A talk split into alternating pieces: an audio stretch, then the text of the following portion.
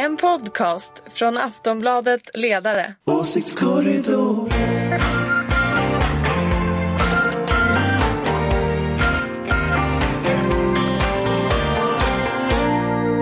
Vad trevligt, välkomna till Aftonbladet Ledarsidas podcast. Eh, jag heter Fredrik Virtanen, du heter?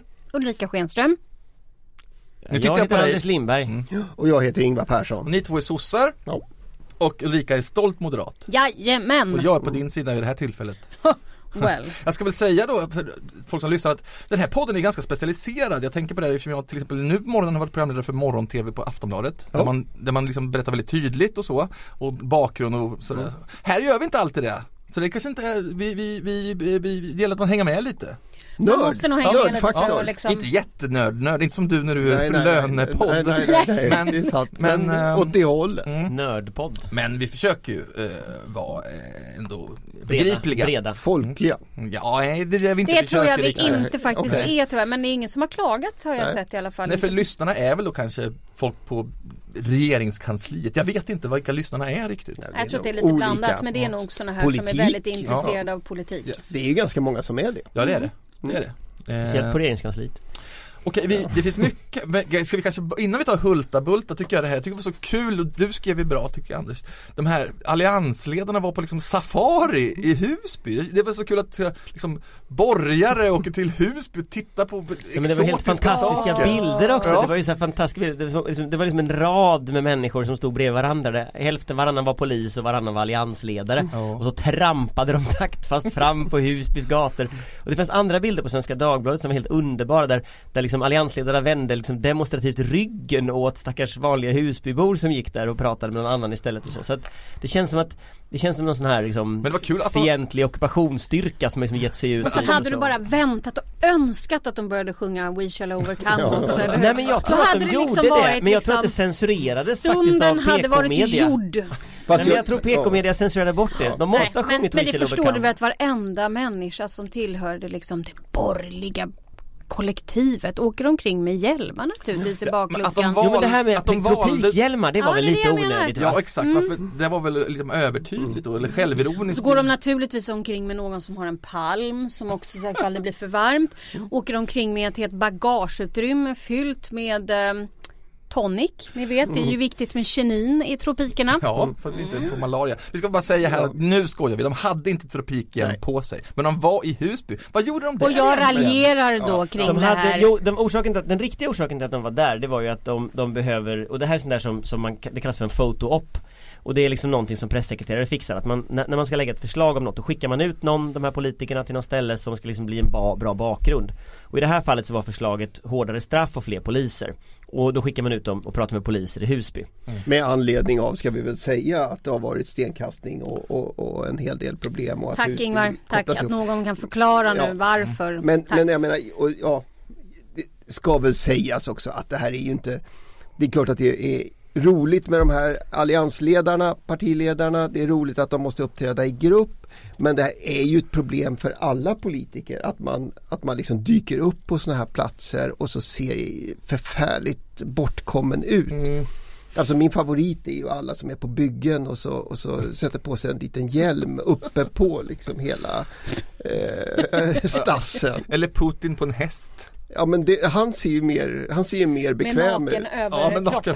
Ja nej men visst, han, han lyckas ju faktiskt vilket är bra för propagandan. Men ja det är klart. Det beror Så på det att- TVn Det är lätt att skoja om det här. Ingvar. Det är bra att du är förstående. Ja. Eh, Det tycker jag. The voice of reason. Ja. Men tänker du som är eh, proffs på sånt här, den typen av kommunikation, att den blir så upplagd Men för skämt? tropikhjälmar är Ja. dåligt kan jag Ja säga. men de hade ju Mm. inte tropikhjälmar. Men jag skojar. Men man, det är ju lätt att rita dit dem. Jag föreslog de Det satiriker kan skulle göra hända det. att någon kommer att göra det Sen är det väl så här också att det finns ju, det finns ju en anledning till att Anders Lindberg vill skoja om det här. Eftersom det är Aftonbladets ledarsida. Så att, och jag tycker nästan att det är lite underhållande. Det är roligt.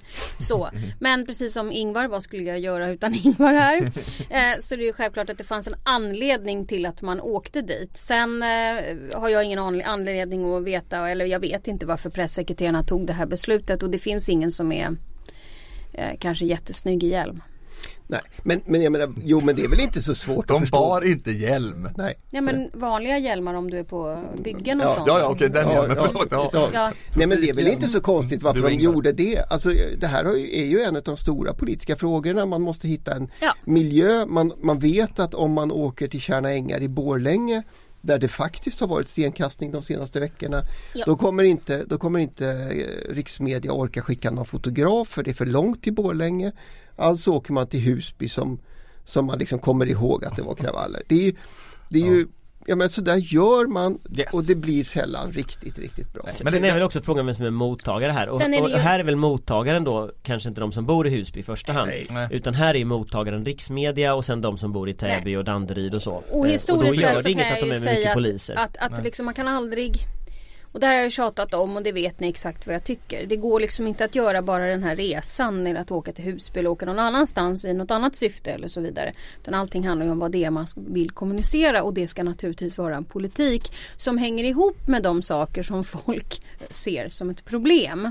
Och det måste alltid börja där och inte börja i själva liksom. Jag kommer ihåg att jag själv var väldigt irriterad på just Lars Leijonborg under väldigt många år på partiledardebatterna. Som alltid tog fram så här och jag har läst i den här tidningsartikeln att och du vet jag vet inte det föll alltid platt. Det är bättre att liksom så här Gör det på riktigt. Försök inte hitta genvägar till politik. Och här är ju problemet att, att man har hittat på en politik som ser kraftfull ut. Mm. Jag menar vattenkanoner och gummikulor och, och rubbet. Va? Ja. Men där, där problemet är att man ju faktiskt har en social oro som Exakt. Mm. ingen vet hur man ska lösa och som inte Precis vattenkanoner kommer att lösa. håller du med om det? Ja absolut. Nu är ni sådär måste- överens igen. Ja men det är ju så. byter Sen kanske Ja, vi, vi men alltså, detta är jätteviktigt. Därför att det här handlar ju om att det finns en social oro. Människor kommer inte i arbete. Det är massor med saker det här handlar om. Ja, men Sen kommer här. Ingvar och jag inte ha samma åsikt i vägen dit. Nej. Men att det är det men som är är problemet. program. De, ni moderater anser väl att repressivitet och starka poliser är vägen dit? Han tycker att flummiga fritidsgårdar är vä- vägen dit? Nej, jag tror inte varken vi tycker så någon av men oss. jag, jag la det i era, era Ja, mun för varsågod, varsågod, men Nu så var det går vi, inte. vi ska återkomma till eh, Moderaterna via Hanif Bali som ju har fallit från, eh, eh, Ja, från Just det, han jobb. och Niklas Wykman ja. Mm. Mm. Men vi först, äh, först ska vi ju snacka om regeringsombildning men innan det Peter Hultqvist Hulta Ja, bulta. Ja. Nu är han igång igen. Du, Ja. du, du. Han är överallt. Ja men nu har han varit Nu är det? NATO. Nu får vi helt plötsligt eh, Ja, Just det, sätta ner soldater och materiell om bara riksdagen tar beslutet, eller hur? Är det inte så? Mm, Ja, men du är bäst på det här. Regeringen Du är utrikesexperten här, det får man Ja, ändå säga. Men regeringen tar beslut ja, precis. att riksdagen Ja. skulle ta beslut det var något Nej men förlåt, regeringen ska ta beslut om, om det är så att eh, NATO vill sätta ner eh, soldater och eh, annat. Framförallt vad det handlar om är att man Det är inte ju behöver en halvvägsväg här för Hulta Bult att eh, få det svenska folket att vilja vara för NATO eller framförallt det socialdemokratiska partiet. Det är nu han kommer gå loss. Jag, tänkte inte gå loss men jag, Jag jag, bara säger det emot. jag, jag bara säger det att det kommer inte att vara Det här så är liksom en lite så här feg väg mot NATO tycker jag. Fast kanske smart. Det är tyck- ingen feg väg mot NATO, det är ingen väg mot NATO definitivt. Nej, det är det inte är väg. halvvägs ja, Jag är helt där. på din sida. Men med skillnad från dig så tycker jag inte om det.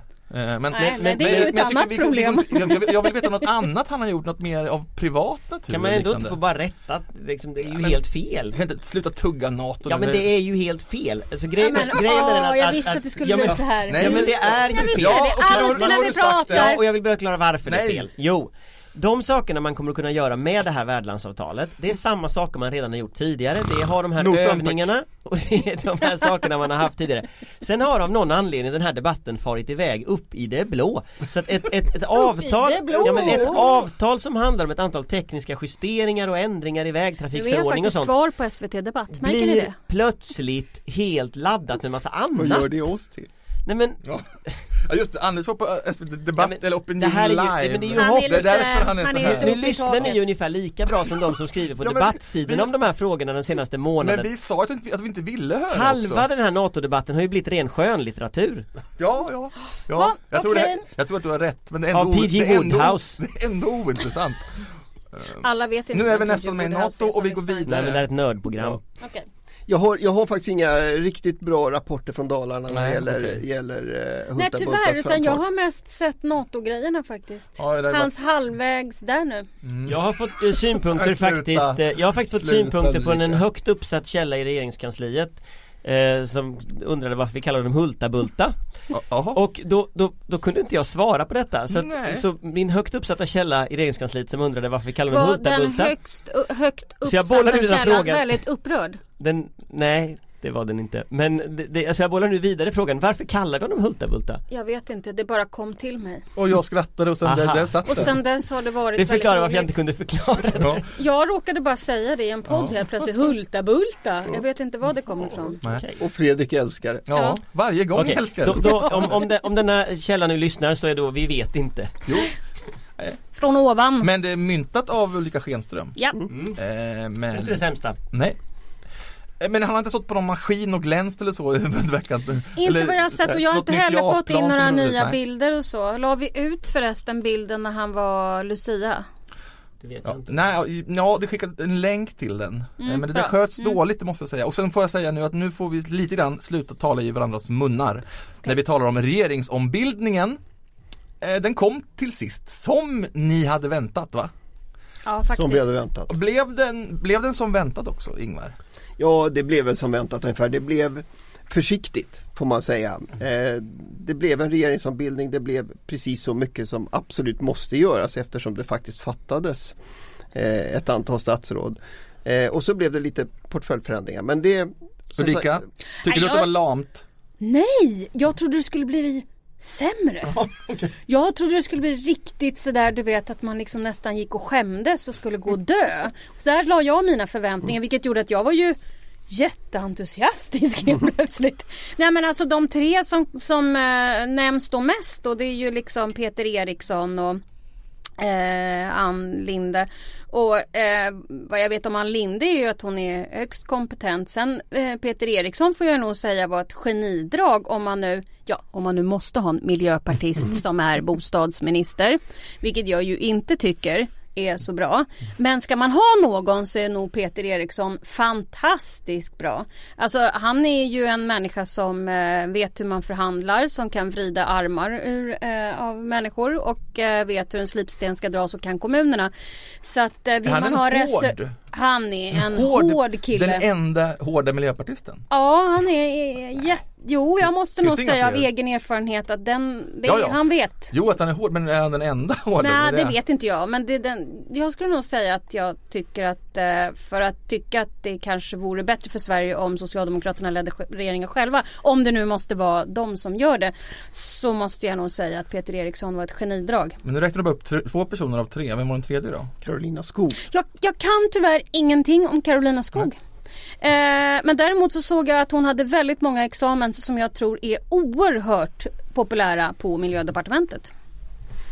Utan att skoja om det alltså. Jag tror att ehm, Och sen det här med, med Ibbe då, Ibrahim Baylan. Hans, det är lite otydligt vad han skulle pyssla med ja, han kommer ju vara torped. Torped på statsrådsberedningen och se till Ja. att alla andra statsråd gör det de ska. Okej. Så han är... Men man kan väl säga att om man, om man tittar på he- om, Och om som man, partisekreterare tidigare så är han nog ganska van. om man börjar med helheten så tycker jag att helheten den är väl bra. Det är inte särskilt roligt och det är inte särskilt nytt och det är inte särskilt spännande men det kommer funka. Och, och det här är väl det vi har, kan vänta oss av Löfven sen ganska lång tid tillbaka att det händer inte så mycket Sen om man tittar på de enskilda statsråden så kan man väl säga att man har ju bytt ut framtidsministern mot en EU-minister och gett eh, Kristina Persson sparken och satt Ann Linde istället. Jag tror det är väldigt bra. Eh, jag har saknat tre ministerposter i den här regeringen. Det är en, en tydlig integrationsminister, en tydlig eh, migrationsminister och en tydlig EU-minister.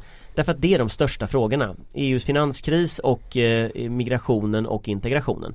Och just de tre posterna tog man bort i regeringsombildningen. Det var lite dålig timing. Så att jag är väldigt nöjd med det att det är en EU-minister som, som, som finns.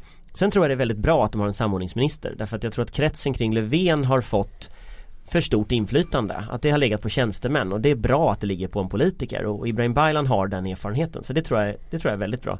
Sen Peter Eriksson Det är väl kul att, det, att, att han kom till. Jag, alltså, Mehmet Kaplan har ju inte gjort någonting i två års tid så att han kommer ju behöva göra fyra års arbete på två år om det här ska funka. Och det är väl bara önska lycka till liksom. Du hade något att säga Ulrika? Nej jag vill bara tillägga, jag håller med om att det var bra med en EU-minister. Jag är eh, lite bekymrad över att man inte hade en integrationsminister samtidigt som jag brukar tjata om att vad är då integration och då har man ändå liksom, det handlar ju ändå om jobb och, och bostäder och så vidare så att det där kanske är lite tvetydigt. Men för alla de som har jobbat i regeringskansliet som vet hur man gör reformer och så vidare så är vi halvvägs in i mandatperioden. Och ska de här då även om jag tycker då att det här är eh, liksom bra människor eh, som vet hur en slipsten ska dras och är duktiga så vet vi att det tar minst två år att få igenom en, en eh, reform.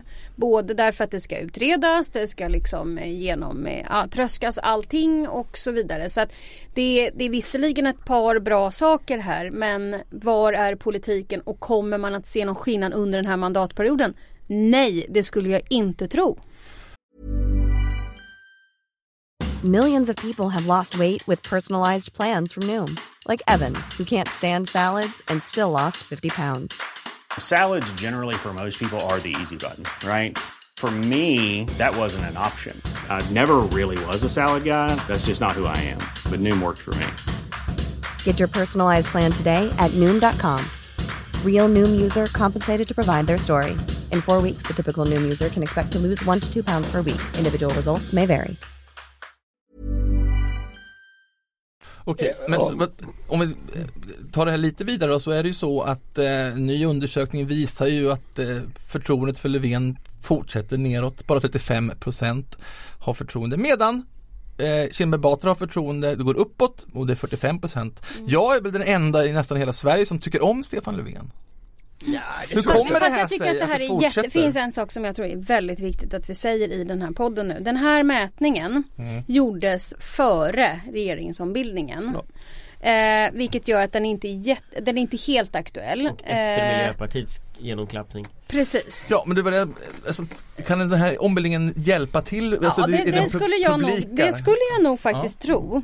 Alltså det är klart Eh, att, till fördel för Löfven. Ja. Eh, och man måste alltid liksom se hur olika saker har tagits emot eller inte. Och allting handlar ju lite grann om förväntningarna. Förväntningarna var mycket värre och mycket sämre än vad han faktiskt levererade. Även om jag kan förstå som socialdemokrat då när man ser er här inne nu i det här rummet så ser de inte glada ut. För att man hade större förväntningar på att Löfven skulle göra mera. Och jag kan fatta det. Men jag tror inte att svenska folket ser det riktigt så. Eh, så det ska bli intressant att se nästa mätning. Jag är ju personligen glad när det går bra för Anna Kinberg Batra. Men, men man ska också vara kanske inte så fullt så mycket cynisk som jag är. Men vi ska också komma ihåg när gjordes mätningen och hur relevant är det att egentligen diskutera den just nu. Alltså det är ju, det är ju för, för Stefan Löfven så är ju ett utav Alltså man kan ju peka på massor med faktorer apropå eh, Fredriks liksom att, som inte har så hemskt mycket med person att göra. Nej. Alltså han är den första socialdemokrat på väldigt länge som försöker leda en koalitionsregering. Eh, och det är ju inte socialdemokratiska väljare särskilt nöjda med. När då dessutom koalitionspartnern visar sig eh, ha fullständigt monumentala interna problem så stärker det ju inte hans förtroende. Så, att, så att det är klart att har Miljöpartiet nu efter sin kongress rätat upp sina problem, vilket vi väl återstår att se kan man säga, men har man gjort det så kommer det ju att underlätta eh, Stefan Löfvens situation, det är klart. Ja. Sen Så- är, sen är väl det som, som, som kommer att vara tror jag och som många kommentarer var också att, att det här är ju Löfvens regering. Och vill han ha en nystart så måste han ändra politiken. Ja.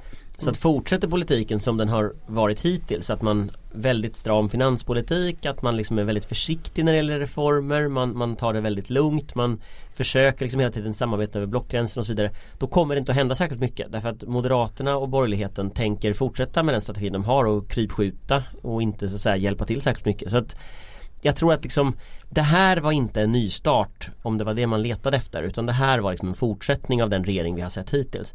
Och min gissning är att det är så här det kommer att vara i fyra år. Det är den här regeringsperioden och det, för mig så påminner den ganska mycket om så här Reinfeldt 2. Alltså den Efter 10. Ja efter, efter 2010, alltså Reinfeldts minoritetsregering.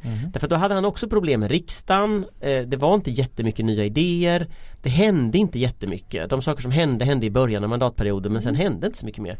Och vi har liksom de här stora reformerna som, som S gick till val på som a-kassan och sjukförsäkring och sådana saker som många S-väljare tycker är väldigt viktigt, de har ju gjorts. Så att liksom, ja, jag tror att det kommer Och så, är det, och så är det ju. Eh, samtidigt så får man ju också säga om man ska då till fördel för Löfven med det här är ju att han kan få ihop ett bra paket inför valet. Även om saker och ting inte görs under mandatperioden. Och men om det nu visar sig att de här faktiskt jobbar så kan ju de här vara färdiga före valet 18 för att sjösättas under nästa mandatperiod. Så att, så att det beror ju på, alltså, för det här är ju ändå doers som han har tillsatt här. Ja och sen ska man nog lägga till det att svensk ekonomi går väldigt bra som det ser ut just nu. Arbetslösheten går ner, ekonomin går som tåget, eller som tågen gick förr då på den tiden de gick i tid. Men, men, men, Teslor men eller vad- Volvos går en sån Jo här. men vad vi ser nu det är ju tydligt att liksom de rödgröna partierna kommer att ligga Tror jag ungefär där man ligger idag, kanske lite upp De borgerliga partierna kommer också ligga ungefär där de, där de, där de ligger idag Det finns ingenting som tyder på att SD går ner särskilt mycket mer än de har gjort Och det innebär att vi kommer att få samma valresultat nästa gång som vi fick förra gången Plus Och då- och då- minus några Ja, procent. jag Plus tror, att det, jag tror att det är livsfarligt att säga om vad som händer om två år. För att om du tittar på prognoserna eh, så från helt olika ställen som Boverket, Migrationsverket, eh, SKL, SCB och så vidare så visar det att ja det går bra just nu. Men det är väldigt många som gör prognostiseringen att det inte kommer vara så bra 18, 19, 20. Så att eh, Ja, det står ju, det står, vi står inför ganska Till- till stora nästa- problem. Fast till 2018 så kommer ju de förändringarna som sker nu Alltså den ökade eh, alltså sysselsättningen och, och bättre ekonomin Den kommer att märkas i människors vardag. Så det, så det som så. människor kommer att ha att ta ställning till 2018 det är De har fått det bättre under Löfven. Det går bättre för Sverige.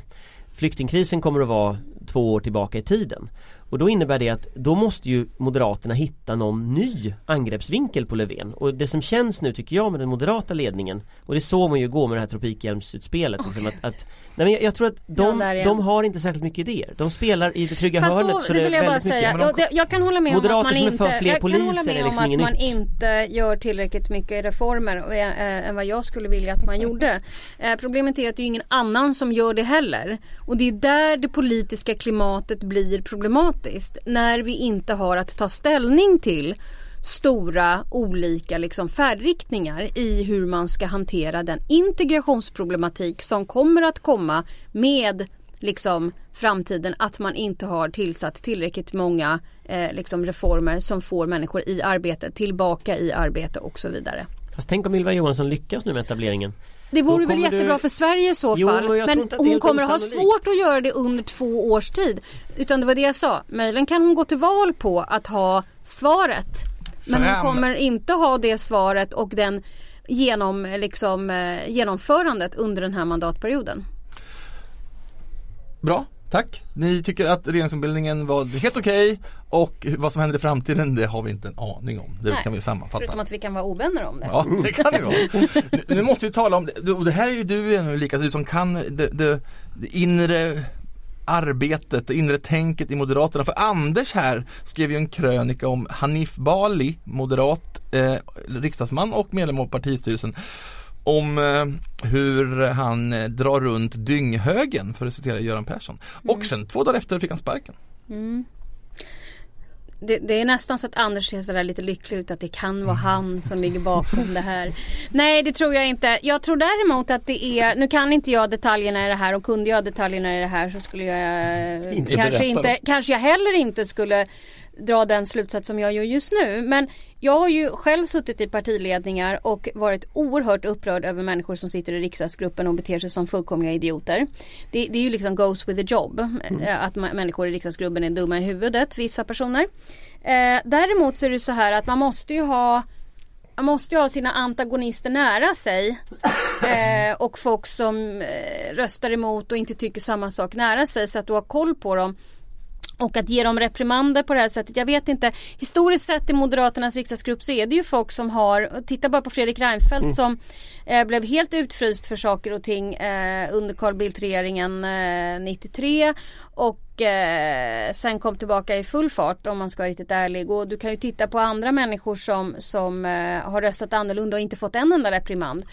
Så vad det här handlar, vi ska- det, det kanske bör förklaras ändå. Vad det handlar om officiellt är ju då att Hanif Bali röstade emot partiet Mm, och, riksdagen. och Niklas Wykman som var skattepolitisk talesperson. Just det, i, Om, om folkmord om folkmord i, i, i folk. Men, men är det inte så Ulrika? Så det kanske inte var Anders, eh, Anders artikel som handlar om, om Fast- negativ campaigning. Fa- Fast jag tror så här, jag tror att jag, jag ska, jag, jag ska, jag håller med Ulrika om, om allt hon säger för att det här, eh, det är ju hennes parti så det här men, men om jag skulle bara dra en parallell till övriga partier och liksom socialdemokratin och så Så är ju traditionen i Sverige faktiskt att du röstar på partier. Du röstar inte på personer.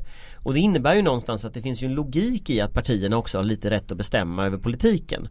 Eh, Det står trots allt partinamnet överst på valsedeln. Det är inte så att de här personerna är personvalda och får göra precis som de vill. Och det, och det, så att, så att jag, Men för mig jag, skulle det vara väldigt intressant att höra hur andra moderata riksdagsledamöter hade ställt sig om det hade kommit upp en fråga kring eh, homosexuellas rätt till adoption. Då hade det inte låtit så här. Då hade det inte varit så här. Så att jag vill bara, alltså det måste finnas i så fall Jag- jag principer och ju- inte Jag tror ju om jag ska Och de som röstade mot det Mm. De fick ju rösta mot det Ja. utan att det blev någon reprimand överhuvudtaget en gång i tiden. Så att jag vill bara Men jag tror ju att det är så att jag, jag, jag, tror, jag tror inte på något sätt att min krönika i söndag som Hanif Balis beteende Det känns på, på väldigt nätet väldigt skönt att du inte skulle, känner så. skulle avsätta honom, det tror inte jag. Men däremot är det så att han har under ganska lång tid varit väldigt ifrågasatt och är en del av en, en, en, en, så att säga, en sfär inom Moderaterna som glider iväg åt SD-hållet på nätet. Och det är klart att det är oerhört många som är kritiska till det. Så att jag kan ju föreställa mig att det är en kombination av många saker som gör att man sparkar ut folk. Men då ska man kalla en spade för en spade tycker jag. Fast jag, jag tror att politiker är väl notoriskt usla på att kalla spadar för spadar. De kallar väl spadar för precis allting annat. Och då, och då tror jag att någonstans jag tror ju inte att det bara var den officiella förklaringen som vi har fått höra som var sanningen. Jag tror att det finns mer bottnar i detta. Och jag Därför att det finns alltid mer bottnar när politiker gör saker. Eh, och, och jag tror ju Och jag tror att det är bra att han kanske inte är integrationspolitisk talesperson längre. För det var utomordentligt olämpligt att den personen som ska tala för integration samtidigt är en person som, som dansar med nättroll eh, i den utsträckning som Bara det att nu Anders Lindberg säger det här kommer vara horder av moderater som ställer sig på Ja, ja, ja, så, så, så är det ju. Nej, men, det är ju en nackdel alltså, jag borde ju vara tyst helt enkelt. Nej, men det, och, och hur skulle det se ut? Men, men, eh, eller hur skulle det vara möjligt eh, överhuvudtaget? Nej, men, alltså, samtidigt, jag, alltså, den här frågan är ju, är ju spännande för det är ju som Ulrika säger. Väljarna uppfattar att man väljer ett parti. Eh, å andra sidan är ju de här personerna faktiskt rent faktiskt personvalda. Så ser valsystemet ut. De är valda, de har, personer har röstat på valsedlar där de har stått.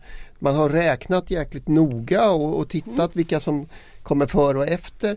Var och en av dem är personligen i, i princip ändå ansvariga gentemot sina väljare. Och där, alltså Socialdemokraterna och Moderaterna är väl de två partier som historiskt har den strängaste synen på vad medlemmarna får och inte får göra.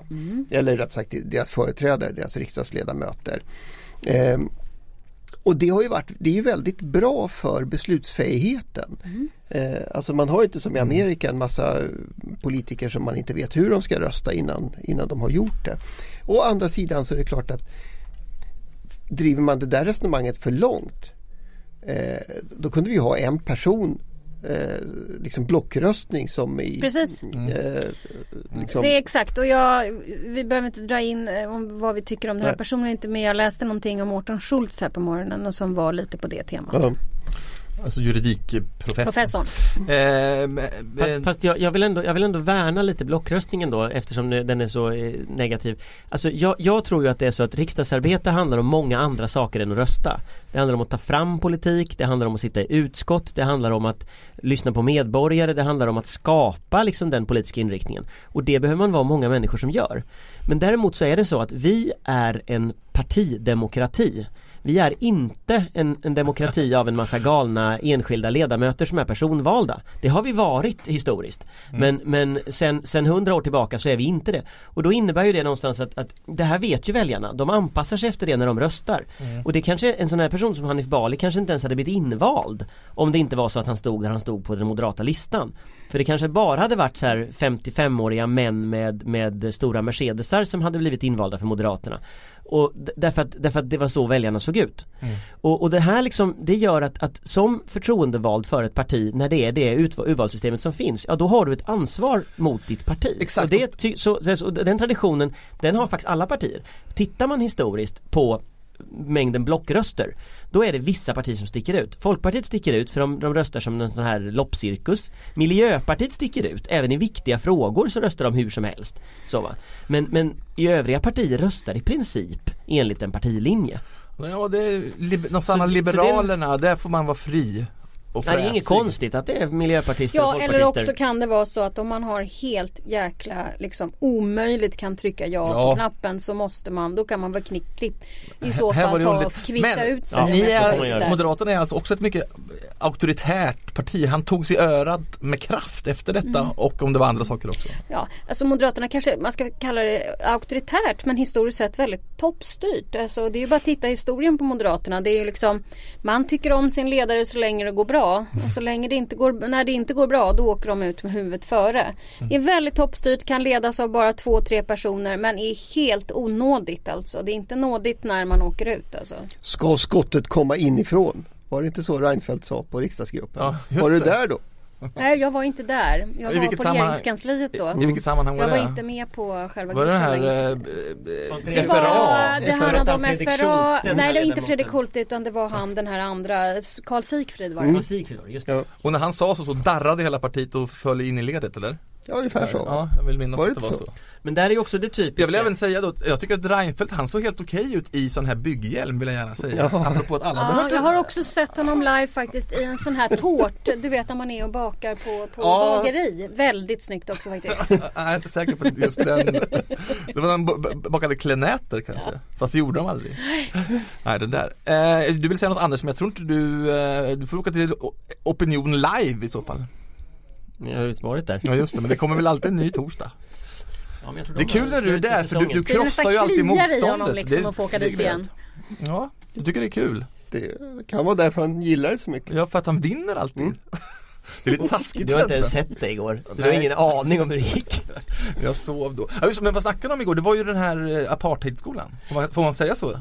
Alltså det var ju den här Thorengruppens skola, Thorén Framtid heter den, en friskola som, Mm. som eh, där, där man då eh, har låtit det, det fanns en, ett förslag om att flyktingbarn skulle få gå in i samma ingång som de här barnen från Thorénskolan Varvid det slutade alltihopa med, folk lite oense om vad som hände men det slutade med att friskolebarnen får nu gå in i en ingång där också toaletterna finns Och flyktingbarnen får gå in i en helt annan ingång som ligger 50 meter därifrån eh, Där de också får sämre lokaler Därför Ni att får- föräldrar bråkade så mycket om detta De Så som- det är en ganska sunkig historia Yes. Och vill ni veta debatten så bara gå in på SVT Play och titta på eh, Opinion live från Man kan också igår. gå in på ledarsidan och läsa om detta vi har skrivit om det Men det är en helt sjuk historia faktiskt Ja det är det faktiskt. Ja men vad trevligt det här var då. Vad Har, vi, eh, har, vi, har vi checkat av allting? Ja. Ja det känns så. Ja vi, vi tog bort några ämnen och la till några. Ja, ja. Det kommer ju alltid nya. Ja, och nu får det räcka för nu har vi hållit på i säkert, nu är det lång tid. Ja. Ha en väldigt trevlig helg. Det här inspelades klockan ungefär vid klockan 12 på, eh, på fredag. Så att ni vet om någonting har hänt efter som vi inte har nämnt Och känt till. och känner t- till. Exakt. Ulrika Schenström, Anders Lindberg, Ingvar Persson och Fredrik Virtanen är jag. Hej då! Hej då, trevlig helg!